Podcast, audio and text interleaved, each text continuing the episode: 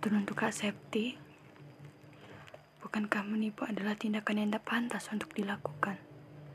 Memakan uang korban tak akan menimbulkan rasa kenyang. Kami yang mengharapkan justru di ghosting habis-habisan.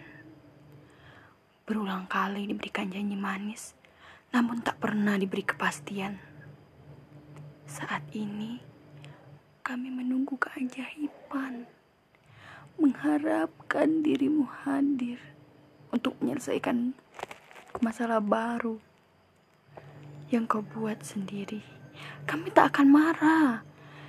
Yang kami butuhkan hanyalah kepastian atas event ini. Tolong kami.